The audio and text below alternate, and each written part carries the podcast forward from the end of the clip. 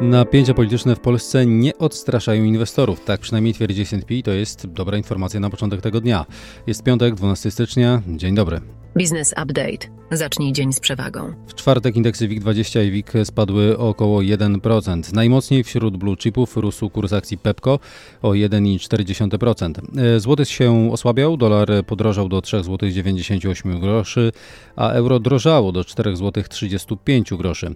Ropa WT i krut zwyżkowała o 2,8% do 73 dolarów za baryłkę. Gospodarka i makroekonomia. Zmiany kadrowe nowego rządu. Nowym prezesem Agencji Restrukturyzacji i Modernizacji Rolnictwa został Wojciech Legawiec. Z fotela prezesa Banku Gospodarstwa Krajowego odwołana została Beata Daszyńska-Muzyczka, jej obowiązki przejął dotychczasowy pierwszy wiceprezes Paweł Nierada. Z Rady Nadzorczej BGK odwołani zostali z kolei Jerzy Schmidt oraz Kazimierz Kujda. Jak wynika z opublikowanej w czwartek przez KPRM informacji, w pierwszym kwartale tego roku Rada Ministrów ma przyjąć projekt rozporządzenia w sprawie utworzenia Ministerstwa Przemysłu. Po okresie niskiej inflacji wskaźnik CPI wróci do podwyższonego poziomu od 5 do 7%, ocenia członek RPP Ludwik Kotecki.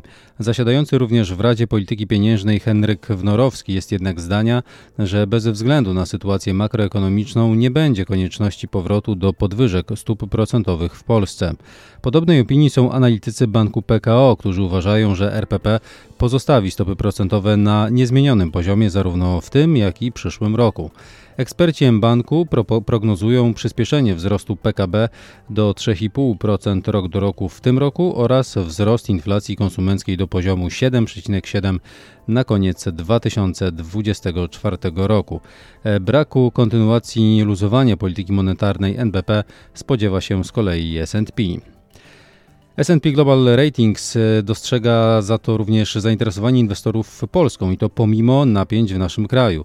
Agencja potwierdziła rating Polski w październiku ubiegłego roku, jednak wolniejszy scenariusz dezinflacji może podważyć wiarygodność polityki pieniężnej i być negatywnym scenariuszem dla kolejnej oceny wiarygodności kredytowej kraju. Krajowa Rada Izb Rolniczych wystąpiła wczoraj do ministra rolnictwa i rozwoju wsi z wnioskami o wprowadzenie blokady importu cukru oraz innych produktów rolno-spożywczych z Ukrainy. Obawy budzi niekontrolowany napływ cukru do Polski, co zagraża opłacalności produkcji dla polskich firm. Rozpoczęły się konsultacje w sprawie nowego programu wsparcia kredytobiorców przy kupnie mieszkania. Przeciwko programowi Mieszkanie na Start protestują działacze Stowarzyszenia Miasto jest Nasze. Twierdzą oni, że ten program zamiast pomagać młodym, jedynie podwyższa ceny mieszkań na rynku. Gabriel Attal, dotychczasowy minister edukacji, został najmłodszym premierem Francji w historii. Nowy szef francuskiego rządu ma 34 lata. Komisja Europejska przyznała 6 miliardów forintów, to jest około 16 milionów euro, rekompensaty dla węgierskich producentów kukurydzy, którzy ponieśli straty w wyniku importu tego zboża z Ukrainy. Zdaniem rzecznik generalnej CUE Trybunał powinien utrzymać 2,4 miliarda euro grzywny nałożonej na Google za faworyzowanie swej własnej porównywarki, porównywarki cen produktów. Biały Dom poparł ustawę, która umożliwiałaby przejęcie części zamrożonych rosyjskich aktywów o wartości 300 miliardów dolarów amerykańskich i przekazanie ich na rzecz Ukrainy. Stany Zjednoczone zwróciły się do władz w Chinach o nieingerowanie w styczniowe wybory na Tajwanie. Brytyjski rząd przedstawił plany czterokrotnego zwiększenia produkcji energii jądrowej. Informacje biznesowe. KGHM Polska Miedź poinformował, że w wyniku przeprowadzonego przeglądu spółka zidentyfikowała przesłanki mówiące o możliwości utraty wartości aktywów górniczych, m.in. dla krajowych aktywów kopalni Robinson i Carlotta w USA czy kopalni Victoria w Kanadzie. NCBIR prowadzi pierwszy konkurs w ramach KPO, na który przeznaczono 445 milionów złotych. Poszukiwane są inicjatywy z zakresu wzrostu bezpieczeństwa w cyberprzestrzeni, zabezpieczenia infrastruktury, przetwarzania danych oraz cyfryzacji infrastruktury służb odpowiedzialnych za bezpieczeństwo. Według Polskiego Instytutu Ekonomicznego skłonność do zakładania nowych firm w Polsce jest niższa niż średnia w Unii Europejskiej. W Polsce chęć założenia firmy wyraziło 4% mężczyzn i 3% kobiet. To dwa razy mniej niż w Unii Europejskiej, to odpowiednio 8 i 6%. Solaris podpisał z przewoźnikiem z włoskiej Genui umowę na dostawę 112 sztuk 18-metrowych trolejbusów. Szef finansów Volkswagena powiedział, że koncern pozostaje elastyczny w kwestii wydatkowania środków przeznaczonych na samochody elektryczne i spalinowe. Jak pisze Bloomberg, szef finansów Volkswagena zauważył spadek popularności samochodów elektrycznych na niektórych rynkach. Menadżer e, uważa również, że Volkswagen ma wszystkie składniki do rozwoju w USA. Fuzje i przejęcia, inwestycje i venture capital. Japońska Dydo Group Holdings wnioskuje do UOKiK o zgodę na przejęcie 100% spółki Vosana. Vosana S.A. prowadzi działalność w zakresie produkcji i sprzedaży napojów bezalkoholowych, takich jak soki, nektary i wody mineralne.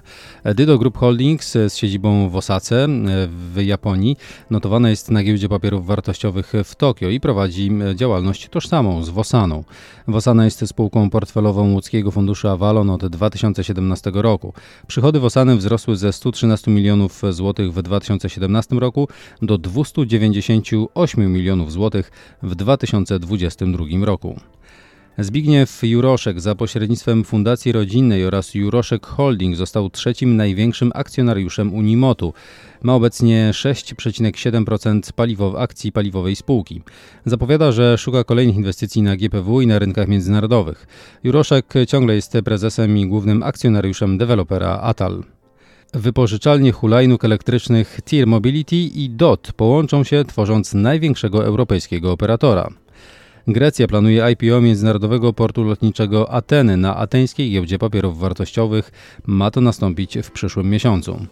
Szwedzki serwis streamingowy Viaplay Group uniknął bankructwa po zatwierdzeniu planu ratunkowego. Ten plan pozostawi obecnych akcjonariuszy, ale z niemal bezwartościowymi akcjami. Firma reklamowa WPP rozważa sprzedaż swoich 40% udziałów w firmie Kantar zajmującej się analizą danych marketingowych, która może zostać wyceniona nawet na 8 miliardów dolarów, wliczając w to zadłużenie. Prawo i podatki. Rzecznik Praw Obywatelskich zwrócił się do Ministerstwa Rodziny, Pracy i Polityki Społecznej z wnioskiem o podjęcie prac legislacyjnych w celu umożliwienia wliczania do stażu pracy okresów prowadzenia pozarolniczej działalności gospodarczej oraz wykonywania pracy na podstawie umów cywilnoprawnych. Polska nie implementowała przepisów dyrektywy unijnej wprowadzającej minimalny 15% CIT dla największych przedsiębiorców, to jest międzynarodowych grup kapitałowych, których roczny skonsolidowany przychód w dwóch z czterech ostatnich lat wyniósł co najmniej 750 milionów euro. Pomimo iż podlega on zapłacie w państwie, w którym spółka matka posiada siedzibę, to poszczególne kraje, w tym Polska, mogłyby nakładać podatek wyrównawczy. Przedsiębiorcy, którzy w ubiegłym roku osiągnęli z działalności gospodarczej nie więcej niż 120 tysięcy złotych mm, przychodu, mogą złożyć wniosek o mały ZUS. Mają na to czas do 31 stycznia. Trybunał Konstytucyjny orzekł wczoraj, że przepisy dopuszczające postawienie prezesa NBP przed Trybunałem Stanu, w tym przewidujące automatyczne zawieszenie go w czynnościach, są niezgodne z konstytucją. Google wniosła odwołanie od decyzji Komisji Europejskiej, która nałożyła na spółkę karę w wysokości około 2,5 miliona euro za nadużycie pozycji dominującej na rynku pozycjonowania reklam poprzez pozycjonowanie własnych e, kontrahentów korzystniej niż pozostałych usługodawców w wyszukiwarce internetowej. Rzecznik Generalna CUE żąda oddalenia odwołania i utrzymania grzywny. Dane i badania rynkowe. Ponad 180 tysięcy nowych ofert pracy, o 27% mniej niż rok temu. Pojawiło się na portalach rekrutacyjnych w grudniu ubiegłego roku, wynika z raportu Grant Thornton. To największy spadek rok do roku od trzech lat. Średnio o 2,6% rok do roku spadły ceny materiałów budowlanych w grudniu, poinformowały w czwartek polskie składy budowlane. To czwarty miesiąc z rzędu ze spadkami cen. 447 tysięcy metrów kwadratowych nowej powierzchni handlowej oddano do użytku w Polsce w ubiegłym roku, poinformowała w czwartek agencja doradcza Cushman Wakefield. E, odwiedzalność centrów handlowych w ostatnim kwartale ubiegłego roku wzrosła w ujęciu rok do roku, ale wciąż była niższa niż przed pandemią. 29 marek zadebiutowało w polskim handlu w ubiegłym roku, poinformowała również agencja Cushman Wakefield. To najwyższy wynik od 2017 roku. 51% wydatków na ochronę zdrowia w 2040 roku mogą stanowić wydatki związane z zapobieganiem chorobom oraz promocją zdrowych nawyków, prognozuje Deloitte. W trzeciej dekadzie XXI wieku wydatki związane z faktycznym leczeniem chorób mogą spaść o 595 miliardów euro. I to tyle w tym wydaniu podcastu Business Update. Więcej informacji, danych liczbowych, a także rekomendacji spółek w naszym newsletterze. Można się na niego zapisać na businessupdate.pl. Dziękuję, do usłyszenia w poniedziałek.